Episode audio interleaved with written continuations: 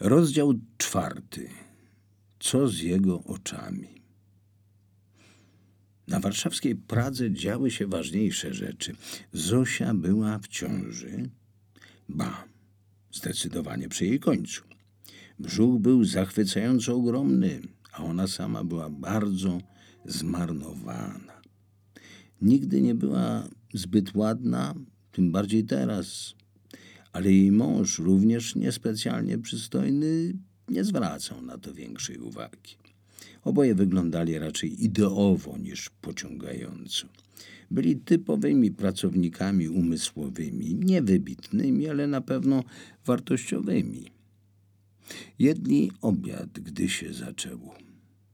Brzuch bolał coraz bardziej, miała coraz silniejsze skurcze i już wiedziała, że nadszedł czas porodu. Staszek doradził, by jeszcze troszkę poczekać, bo gdyby się okazało, że to jeszcze nie ten moment, niepotrzebnie zawróciliby lekarzom głowę. Ból jednak nie ustępował, więc wyszedł na ulicę, by złapać taksówkę. Nie mieli samochodu, ale kto w tamtych czasach miał? Pewnie, że byli tacy, no ale czy warto było do nich doszlusować? Mówiło się o nich oni. Jacy oni? Tamci, nie nasi. Nie do końca polscy. Jedni więc mieli samochody, inni nie. Zdenerwował się, gdy na pobliskim postoju nie było taksówek. Przeszedł na sąsiednią ulicę, dokładniej na skrzyżowanie z ich ulicą, by jak najlepiej obserwować jadące samochody. Minuty mijały, a tu nic. Co za pech, pomyślał i zaczął się modlić o pomoc. Właśnie wtedy zauważył zbliżającą się do niego taksówkę i zaczął nerwowo wymachiwać ręką, najpierw jedną, potem dwiema naraz. Z emocji nie wytrzymał i wyszedł nieco na jezdnię, by mu nie umknęła. Kierowca go zauważył i się zatrzymał. Nie było pewne, czy okaże się pomocny, gdyż ktoś już siedział na tylnym siedzeniu. No widzi pan, że mam pasażera, prawda? Staszek wcześniej tego nie zauważył. Teraz widzę, ale muszę coś zrobić, bo żona mi rodzi. Jak to rodzi? zapytał zaciekawiony kierowca. Jeszcze tego nie przeżyłem, by kobieta rodziła w moim aucie. No to ma pan okazję, rodzi i nie mam jakiej dowieść do szpitala. Niech mi pan pomoże. Proszę pana, mam pasażera, którego nie wyrzucę i to z zagranicy. No nie, żeby nie był Polakiem, ale nie mieszka tutaj, więc pasażer dolarowy. No to może pan zgodzi się na tę pomoc? Zapytał Staszek nieznajomego, wkładając głowę przez okno przednich drzwi szacownej wołgi. Teraz w kiepskim świetle, panującym wewnątrz auta, zauważył sędziwego mężczyznę i nabrał nadziei. Mężczyzna wyglądał sympatycznie i dobrotliwie się do niego uśmiechał. Bardzo proszę, dodał błagalnie. Skoro jadę na razie sam i nigdzie się nie śpieszę, a nawet nie do końca zaplanowałem, co chcę dzisiaj zrobić, nie widzę powodu, byśmy mieli nie wziąć państwa ze sobą. Nie jestem stąd, więc nie wiem, gdzie jest szpital, ale zaraz to powie pan kierowca. Niedaleko, odpowiedział Starzyk, to tylko parę przecznic dalej, a, a więc mogę skoczyć po żonę? Pobiegł do domu i przekonał się o dwóch rzeczach. Żona była gotowa do wyjścia, a dziecko nie miało zamiaru dłużej czekać. Powiedział Zosi, że złapał taksówkę z pasażerem, który zgodził się na zabranie ich do szpitala. Zeszli ze schodów pospiesznie, ale i ostrożnie. Trzymał Zosię pod ramię, jakby ją lekko unosił. Trudno powiedzieć, czy było to pomocne, ale na pewno poprawiało samopoczucie samego Staszka, a może i Zosi. Wyszli z klatki przez bramę na ulicę. Y, no gdzie ta taksówka? zapytała rozczarowana Zosia, nie widząc jej. Y, zatrzymałem ją tam, na skrzyżowaniu. Boże, chyba, chyba tam nie dojdę. Doszła. Wsiadła z tyłu, a Staszek z przodu. Tak zdecydowali, bo wszystkim wydawało się, że będzie tam najwygodniej. Tylko niech pani jeszcze nie rodzi, powiedział taksówkarz, a pasażer mu wtórował. No rzeczywiście lepiej nie. Macie szczęście, że jestem taksówkarzem nowoczesnym, choć starym jak nie wiem co. Jeżdżę jak dawniej, ale dzisiejsi kierowcy jeżdżą jak chcą. Jak to? zapytał Staszek. No właśnie, jak to? Przepraszam. Właśnie, jak to? wtórował pasażer. Teraz jeździ się tam, gdzie pasuje kierowcy, a nie pasażerowi. Taki układ, drodzy państwo. Młody kierowca to wasz pan. Nie będzie przecież służył, będzie rządził. No, za rzadko korzystamy z takich usług, by mieć z tym problem, oświadczył Staszek. Ja też jestem tu za rzadko i jeszcze nic takiego mi się nie przydarzyło, dorzucił gość z zagranicy. Jeszcze spotkacie. W każdym razie ja jeżdżę po staremu. Tam, gdzie pasuje pasażerom. Zosia nie zabierała głosu. Była pewna, że gdy tylko się odezwie, zaraz zacznie rodzić. Dojechali, zdążyli. Staszek odprowadził ją do szpitala i nawet nie pożegnali się jak należy, bo zaraz ich rozłączyli. Zgodnie z zasadami nie mógł uczestniczyć w najważniejszym wydarzeniu w dotychczasowym ich życiu. Rodzenie dzieci nie dla tatusiów, nawet takich dobrych i opiekuńczych jak on. Wzięli ją na porodówkę, bo był najwyższy czas. Poród na szczęście był niezbyt długi, była dzielna, parę razy krzyknęła, ale niezbyt głośno. Była zbyt dobrze wychowana i przygotowana do porodu, by okazać słabość. Co innego pozostałe kobiety, które rodziły obok na tej samej sali. Boże, co to za pomysł, byśmy rodziły tu we cztery naraz? Pomyślała. Mimo, że cierpiała, odnotowała zachowanie innych matek. Czy komunizm, albo jak kto woli socjalizm, musi nawet to zmieniać? No więc kobiety wrzeszczały jakoś inaczej niż mogłaby się spodziewać. Ich okrzyki były inne niż opowiadały babcie i matki. Poród to przecież radość, a dopiero potem ból. I stąd powinno się brać jego przeżywanie. Tymczasem one nie okazywały radości, lecz przede wszystkim niezrozumiałą dla Zosi niechęć. Czy po prostu nie chciały dzieci? Właśnie tak to wyglądało, to przecież niemożliwe. Słyszała od starszych, że kiedyś było inaczej, właśnie tak, jak sama sobie to wyobrażała, wszechogarniająca radość. Zosia karmiła Januszka, malutkiego, jednodniowego synka. Była w jednym ze stołecznych szpitali. Boże, co to był za szpital? Tłok, hałas, i zbyt brudno nawet jak na ówczesne polskie komunistyczne warunki. Wszystko jakieś dziwne. Niektóre pielęgniarki jakby siłą oderwane od pługa, jakby robiły coś, czego robić nie chciały. Podobnie lekarze, poza chlubnymi wyjątkami oczywiście. Nawet nie można było z nimi porozmawiać, gdy miało się taką potrzebę. Niezbyt pozytywnie wszystko to wyglądało i wpływało na stan psychiczny czekających na poród albo rodzących kobiet. Urodziła i będą ze Staszkiem razem z Januszkiem. Takim malutkim, bezbronnym, który jeszcze nie będzie mówić i nie będzie mógł nic robić, a jedynie kochać. Zosia nie mogła się doczekać na ten dzień kiedy wreszcie będę mogła pokazać Staszkowi ich maleńkiego synka. Rozważała to na tysiące sposobów. Kwestię urodzenia dziecka sprowadziła do filozofii uwielbieniowej. Czy dziecko to bardziej ktoś, kto kocha, czy ktoś, kto daje sposobność do okazania miłości jemu?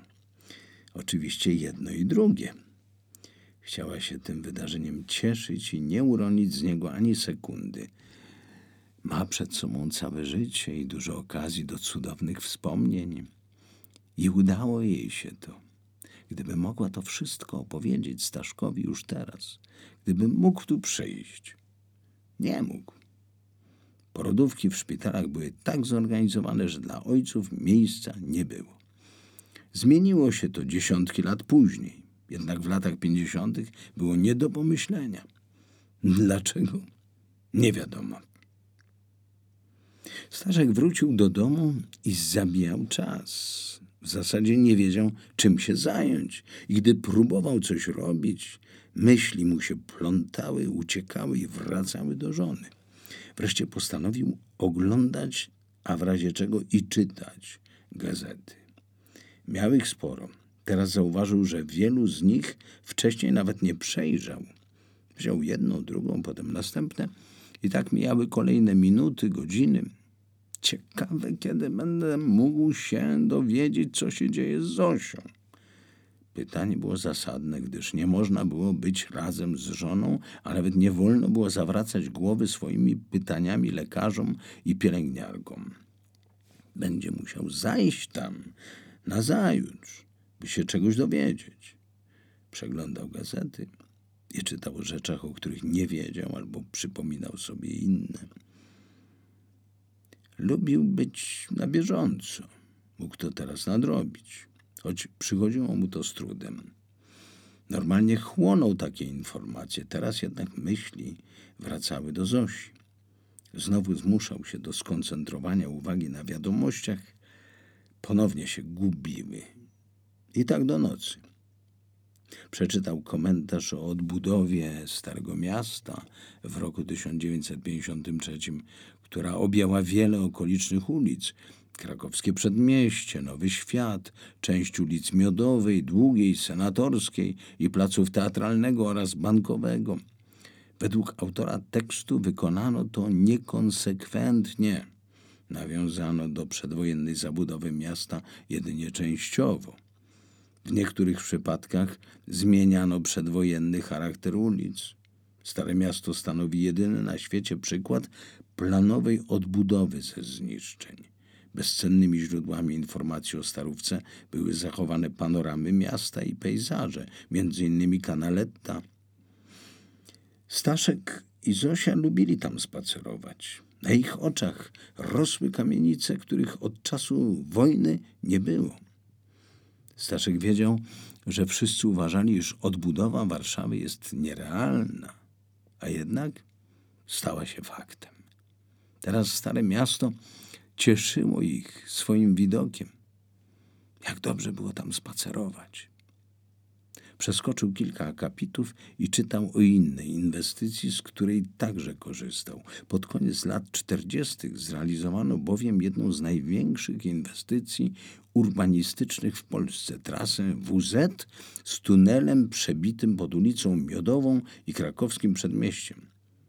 Trudno mu było nie korzystać z tej trasy, skoro mieszkali na warszawskiej Pradze. Wsiadali do autobusu i przejeżdżali Wisłę mostem Kierbedzia, by wjechać w ten nowy tunel i dostać się na plac Dzierżyńskiego. To już niemal centrum. Tędy, kierując się na lewo, na południe docierało się do wybudowanej w latach 1950-1952 marszałkowskiej dzielnicy mieszkaniowej MDM. Charakterystycznego przykładu obowiązującej wówczas w architekturze doktryny socjalizmu. Kierując się na prawo, na północ, docierało się do osiedla Muranów. Po drodze na południe mijało się Pałac Kultury i Nauki. Wybudowany w podobnym stylu w latach 1951-53, a ostatecznie ukończony w roku 1955. PKIN stał się symbolem ery stalinizmu. Nie byli na uroczystości jego oddania do użytku, ale wielu warszawiaków przyszło. Staszek i Sosia nie byli zwolennikami komunizmu. Nie mogli więc cieszyć się czymkolwiek, co pochodziło ze wschodu. Rodzina Staszka zbyt wiele wycierpiała od komunistycznego państwa. Nie lubił komunistycznych gazet i tych wiadomości, no ale nie potrafił ich unikać. Decydował o tym jego charakter, zawsze chciał być dobrze poinformowany. Kupował więc gazety i przeglądał je. Gdy to zaniedbał, nie wyrzucał ich, lecz odkładał, by je przejrzeć. Po każdej wiadomości patrzył na zegarek i myślał o Zosi. Co z tego, że o niej myślę, skoro i tak nic nie mogę zrobić? No i wracał do lektury. Przeczytał, jak w latach 1954-1955 budowano stadion dziesięciolecie. Akurat stadion lubił, ponieważ było to jedno z nielicznych miejsc, gdzie Polacy mogli konkurować z Rosjanami na równi. Czasem wygrywali, a wtedy było to niesamowite. Na dodatek, gdy zebrał się tłum do stu tysięcy widzów, jeśli nawet przegrywali, robiło się bardzo patriotycznie. Przeszedł do artykułu o relacjach Polski z jej największym przyjacielem, Związkiem Radzieckim, ZSRR i innymi sąsiadami, o Układzie Warszawskim, Układzie Przyjaźni, Współpracy i Pomocy Wzajemnej krajów Europy Środkowej i Wschodniej, podpisanym w 1955 roku w Warszawie, już ponad dwa lata wcześniej, a następnie o śmierci Bolesława Bieruta, co wydarzyło się w marcu 1956 roku podczas jego pobytu w Moskwie na 20. zjeździe Komunistycznej Partii Związku Radzieckiego KPZR. No i natknął się na radosną dla władz informację o uroczystym otwarciu warszawskiego ośrodka telewizyjnego. Program był nadawany trzy razy w tygodniu, łącznie przez 13,5 godziny. Po odczytaniu paru wiadomości, które wcale go nie cieszyły, trafił na notkę o wielkim sukcesie polskiego kolarza Stanisława Królaka który wbrew ambicjom kolarzy sojuszniczych państw został zwycięzcą wyścigu pokoju. Teraz Staszek był dumny. Przypomniał sobie, jakie emocje towarzyszyły temu wydarzeniu. Polacy zwyciężali, a na dodatek wygrali, ostentacyjnie pokazując sojusznikom figę z makiem. Odłożył gazetę, przypomniał sobie, o żonie. Co ona teraz robi? Czy jest już po, czy jeszcze nie? Przeszedł do skromnej kuchni, obejrzał jej ściany. Tak, gdy Zosia wróci z dzieckiem, ściany nie mogą być takie ohydne. A faktycznie były. Nie wiedział, kiedy były odnawiane. Dostali przydział do tego lokalu niedawno, a wobec niepewności, czy będą mogli być tu dłużej, nie zajęli się remontem. No teraz, kiedy urodzi się maluszek, malowanie nie będzie mogło czekać. Nalał wody do czajnika, zagotował ją, zrobił herbatę i wrócił z nią do pokoju. Mieli jeden pokój. Tak, wtedy nie można było wybrzydzać. Jeden pokój, duża kuchnia i spora łazienka. To naprawdę nieźle. Inne rodziny mieszkały w takich lokalach w pięć, a nawet sześć osób. Przygotowali się na przyjście dziecka. To znaczy przygotowała się Zosia, bo Staszek właściwie na tym się nie znał. Zasiadł przy stole, zaczął pić herbatę, ale zaraz ją odstawił, bo go nieco oparzyła. Wstał, gdy uświadomił sobie napięcie mięśni całego ciała. Jak tu się nie spinać, gdy tam w szpitalu toczą się takie ważne rzeczy? Przeszedł kilka kroków dookoła pokoju dla odprężenia, po czym znów usiadł i złapał za kolejną gazetę. Zwrócił uwagę na redakcyjny tekst podsumowujący wydarzenia poprzedniego roku. Czytał komentarz dotyczący czerwcowych protestów w Poznaniu. Rozpoczęły się o 6.30 rano strajkiem w zakładach Stalina, dla polskich patriotów oczywiście w zakładach Cegielskiego. Robotnicy zażądali podwyżki płac i obniżki cen na rynku. Po wyważeniu bram uformowali kilkunastotysięczny pochód, do którego dołączyły załogi innych zakładów pracy. Do godziny dziewiątej w pobliżu budynku Miejskiej Rady Narodowej i Komitetu Wojewódzkiego Partii zbierał się tłum. Śpiewano rotę, Boże coś Polskę. Pojawiły się transparenty z hasłem chleba i wolności. Na wieść o aresztowaniu delegacji Załoga Cegielskiego udała się dzień wcześniej z postulatami robotniczymi do Warszawy. Tłum wtargnął do siedziby władz. Zdobyto więzienie przy ulicy Młyńskiej, a także jego zbrojownię. Zorganizowano atak na gmach Wojewódzkiego Urzędu Bezpieczeństwa. Tam też około 11 padły pierwsze strzały. W sumie w Poznaniu zginęły 74 osoby, a kilkaset zostało rannych. Premier Józef Cyrankiewicz wystąpił 29 czerwca z przemówieniem, które przeszło do niesławnej historii, kiedy to straszył rodaków obcinaniem rąk, które podnieśli przeciwko władzy ludowej. 30 czerwca Komitet Centralny Partii podjął uchwałę oznaczającą faktycznie przezwyciężenie kultu jednostki i jego następstw. Z kolei 6 lipca Trybuna Ludu zamieściła artykuł pod tytułem Pierwsze wnioski, który dotyczył oceny poznańskich wydarzeń.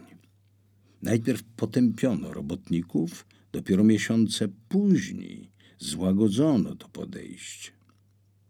Artykuł omawiał siódme plenum KCPZPR, które okazało się najdłuższym w dziejach tej partii. Trwało aż siedem dni. Toczył się spór o zakres demokracji oraz metody rządzenia w kraju. Dyskutowano na temat relacji władza-społeczeństwo.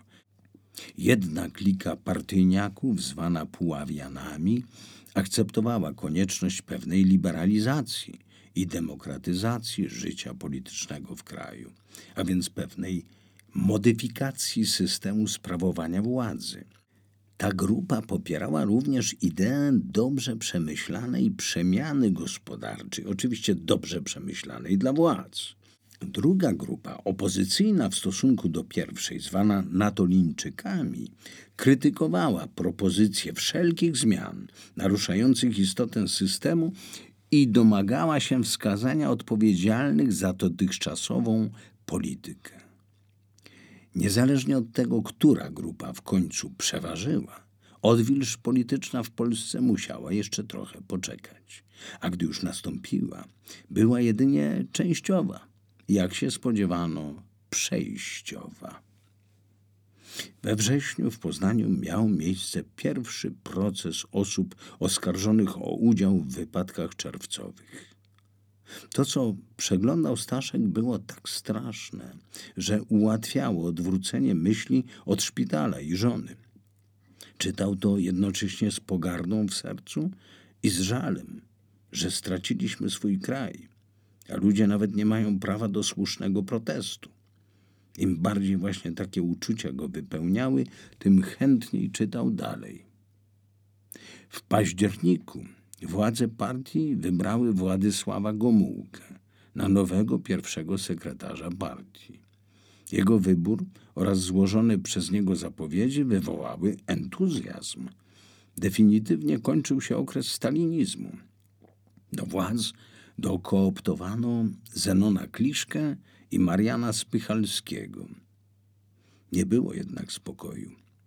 Podczas obrad przybyła do Warszawy radziecka delegacja z Nikitą Chruszczowem na czele, grożąc zbrojną interwencją w razie naruszenia polsko-radzieckiego sojuszu. Później się okazało, że w tym samym czasie dały się zaobserwować poważne przemieszczenia oddziałów wojsk radzieckich stacjonujących w Polsce. Wreszcie naród wymusił zmiany.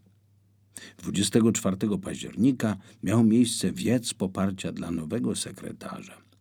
Niemal cała Warszawa ruszyła w kierunku placu Defilat. Przed Pałacem Kultury i Nauki odbył się wielki wiec, który zwiastował odwilż i faktycznie był jej początkiem. Tłum był ogromny, wypełnił cały plac. Może nawet było tam pół miliona ludzi. Wiec miał charakter spontaniczny i po latach stalinizmu był czymś niezwykłym. Wydawało się, że możliwy jest powrót do II Rzeczypospolitej, albo że przynajmniej możliwe są zmiany prowadzące do socjalizmu o ludzkim obliczu. Ludzie myśleli, że wygrali i nieśli trumnę z napisem Natolin. Oto symbol wszystkich sił wstecznych. Pogrzeb Natolina. Natolińczycy to partyjny beton. Z kolei Gomułka, przeciwstawiający się Moskwie, stał się bohaterem narodu, mężem opatrznościowym, zbawcą ojczyzny. Pojawił się na placu defilat i przemawiał z kamiennej trybuny. Staszek tam był. Chociaż nie będąc łatwowierny, miał postawę wyczekującą, by nie rzec sceptyczną.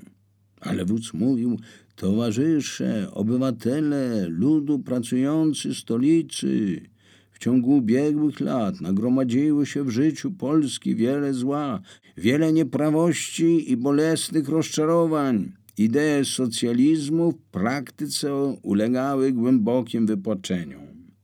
Wierzę głęboko, że te lata minęły bezpowrotnie. Początek rządów Władysława Gomułki wiązał się z rozpoczęciem głębokich przemian w kraju. Na wolność wyszli uczestnicy czerwcowych wydarzeń w Poznaniu. Więzienia opuściło również wielu działaczy niepodległościowych z okresu okupacji. Z czteroletniego internowania zwolniono prymasa Stefana Wyszyńskiego, a z więzień kolejnych biskupów. Władze zawarły porozumienie z Kościołem, na którego podstawie uchylono dekret z 1953 roku, m.in. wprowadzając do szkół dobrowolne lekcje religii. Wielu organizacjom, instytucjom, wydawnictwom, które zostały rozwiązane bądź zawieszone na początku lat 50., zezwolono na ponowną działalność. Ponadto z Wojska Polskiego odwołano marszałka Konstantego Rokosowskiego i innych wyższych oficerów rosyjskich. W tygodniku po prostu z 11 marca znalazł się artykuł o rehabilitacji Armii Krajowej i jej żołnierzy. Ale nie czytał, bo interesował się tym na bieżąco i o wiele więcej usłyszał na falach Radia Wolna Europa. Również stamtąd dowiedział się o ustąpieniu z funkcji Jakuba Bermana, szarej eminencji w kierownictwie PZPR, człowieka, który odpowiadał za działalność Ministerstwa Bezpieczeństwa Publicznego. Niedługo potem aresztowano byłego wiceministra bezpieczeństwa publicznego, Romana Romkowskiego, który był do pewnego czasu wielką osobistością, a później odważnie określano go jako stalinowskiego oprawcę. Odrzucał gazetę po gazecie. Można jej już wyrzucić, pomyślał. Ale gdy ponownie dopadł go lęk o Zosię, sięgnął jeszcze po jedną, a jego wzrok przyciągnęła radosna informacja, że w lipcu ubiegłego roku populacja Warszawy przekroczyła milion mieszkańców. Przynajmniej to się im udaje. Tego nam nie zepsuli. Mimo tego ustroju potrafiliśmy odbudować miasto. W szpitalu u Zosi wszystko w najlepszym porządku. Januszek miał się dobrze. Staszek dowiedział się o tym następnego dnia, gdy tam przyszedł. Nie mógł zobaczyć się z żoną, ale przekazano mu dobrą wiadomość. Zosia była z siebie zadowolona, była dzielna. Obiecała sobie nie krzyczeć i prawie się jej to udało. Może nie do końca, ale co by nie rzec, bolało. Zbyt mocno, by nie krzyknąć, ale w porównaniu z innymi kobietami spisała się na medal. Właśnie, Dlaczego one tak strasznie wrzeszczały na dodatek, psiocząc na swoich mężów? Tego, co one wygadywały, Zosia nie mogła powtórzyć nawet w myślach. Dlaczego się nie cieszyła, jedynie pomstowały? Myślała o tym długo i boleśnie, nurtowało ją to. Pochodziła z rodziny antykomunistycznej i wszystko, co złe, uzasadniała złowieszczym wpływem systemu.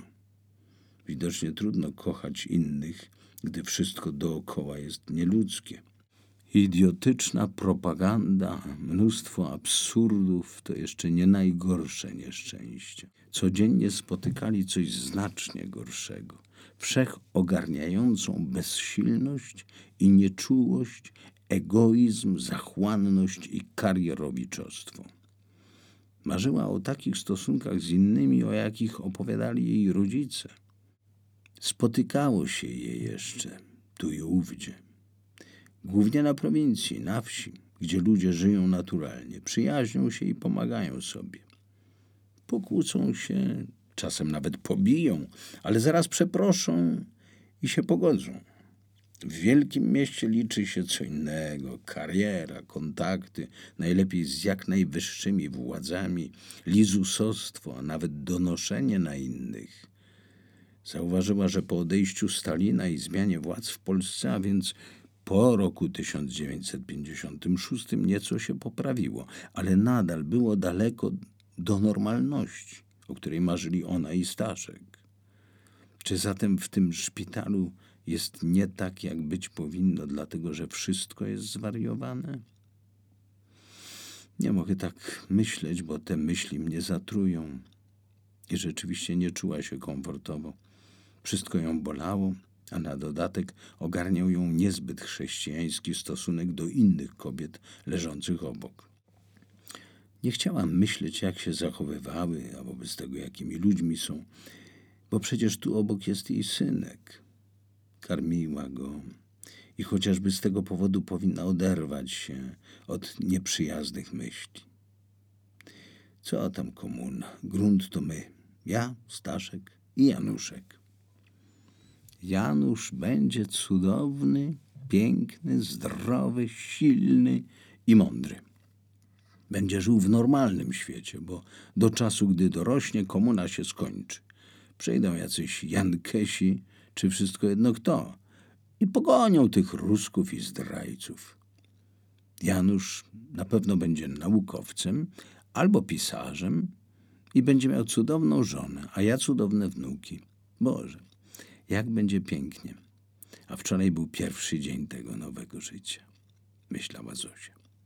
Zmiana na świecie i w kraju na pewno zacznie się od teraz. Wszystko, co trudne, zarówno ona, Staszek, jak i wielu innych ludzi poświęcało dla wymarzonych zmian na lepsze. Bóg miał im w tym pomagać i czynił to. Zosia głęboko w to wierzyła, chociaż na co dzień nie okazywała i nie chodziło o samo chodzenie do kościoła i codzienne praktykowanie wiary, lecz o życie zgodne z jej zasadami, by tylko nie zrazić Boga i nie stracić Jego błogosławieństwa. Chodziła na msze dosyć często, ale nie było to najważniejsze. Bardziej ceniła poranne i wieczorne modlitwy, myślenie, o którym sądziła, że jest dla Boga. I w ten sposób jest razem z Nim, Jezusem i Maryją. Uważała, że każda myśl jest ważną rozmową z nimi. Ta wspólnota ją cieszyła, budowała, pozwalała zapomnieć o świecie wokół. Y, jak pani sobie radzi? zapytała pielęgniarka. Zosia wzdrygnęła się na jej głos. Nie spodziewała się, że ktoś nadejdzie i się odezwie. Oj, przepraszam, nie chciałam pani przestraszyć. Nic się nie stało, zamyśliłam się trochę. Była w jej wieku, nawet nieco fizycznie do niej podobna. Gdy na nią spojrzała, przypomniała sobie, że to właśnie ona pomagała lekarzowi podczas porodu. O, to pani. Że co? Pani była przy moim porodzie. Chyba tak, chociaż trudno to zapamiętać. Wie pani, rodzi się tutaj codziennie dużo dzieci. Pielęgniarka nieco się do niej przysunęła, jakby chciała sprawdzić, czy Zosia radzi sobie z karmieniem Januszka. O, widzę, że dobrze to pani idzie. Prawda, że cudowny chłopaczek? Cudowny.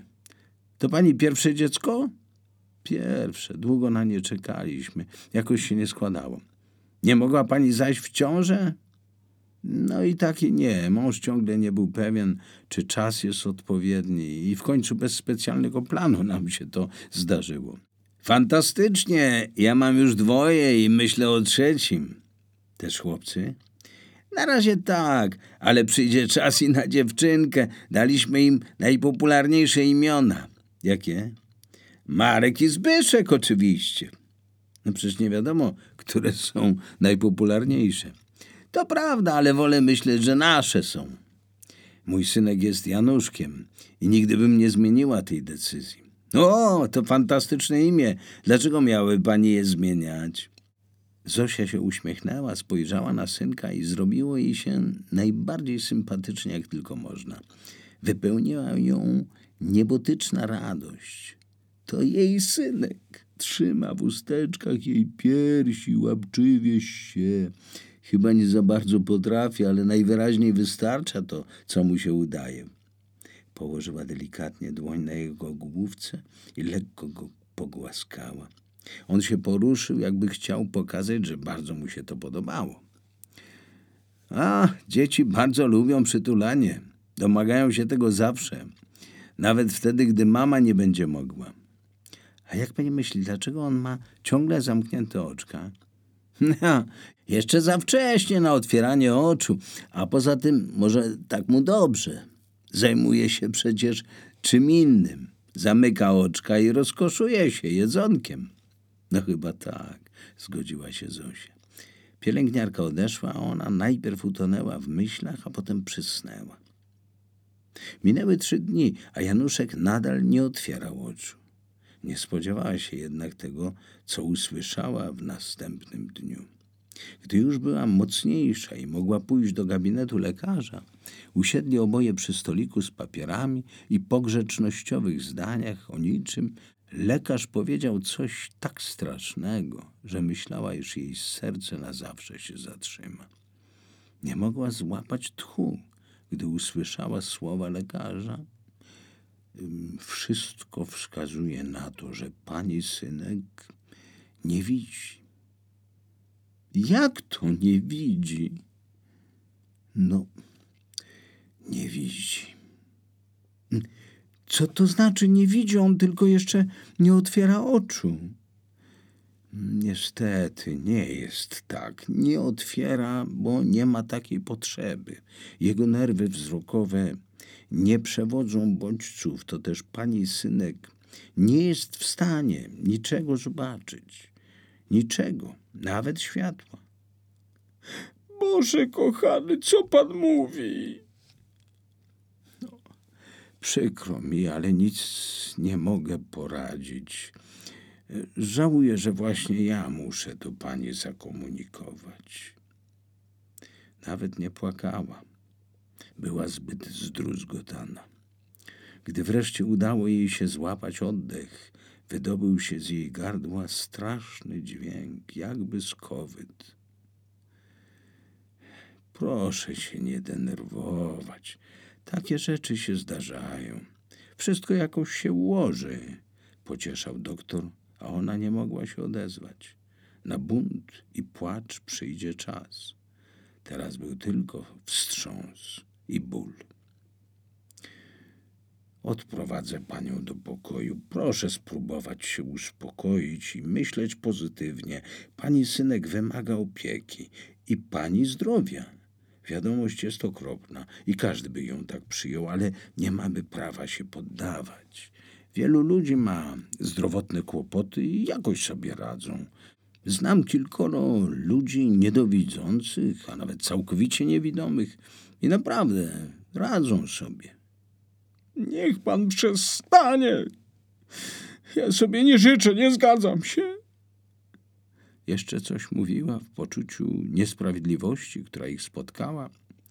Na szczęście lekarz był doświadczony i spodziewał się takiej reakcji. Był na nią przygotowany. Nie zdziwił się więc, a tylko zastanawiał, jakby sam zareagował w takiej sytuacji, jak zareagowałaby jego żona. Co na to powie mąż pacjentki? Takie dziecko to przecież nieszczęście, myślał, ale zachował to dla siebie.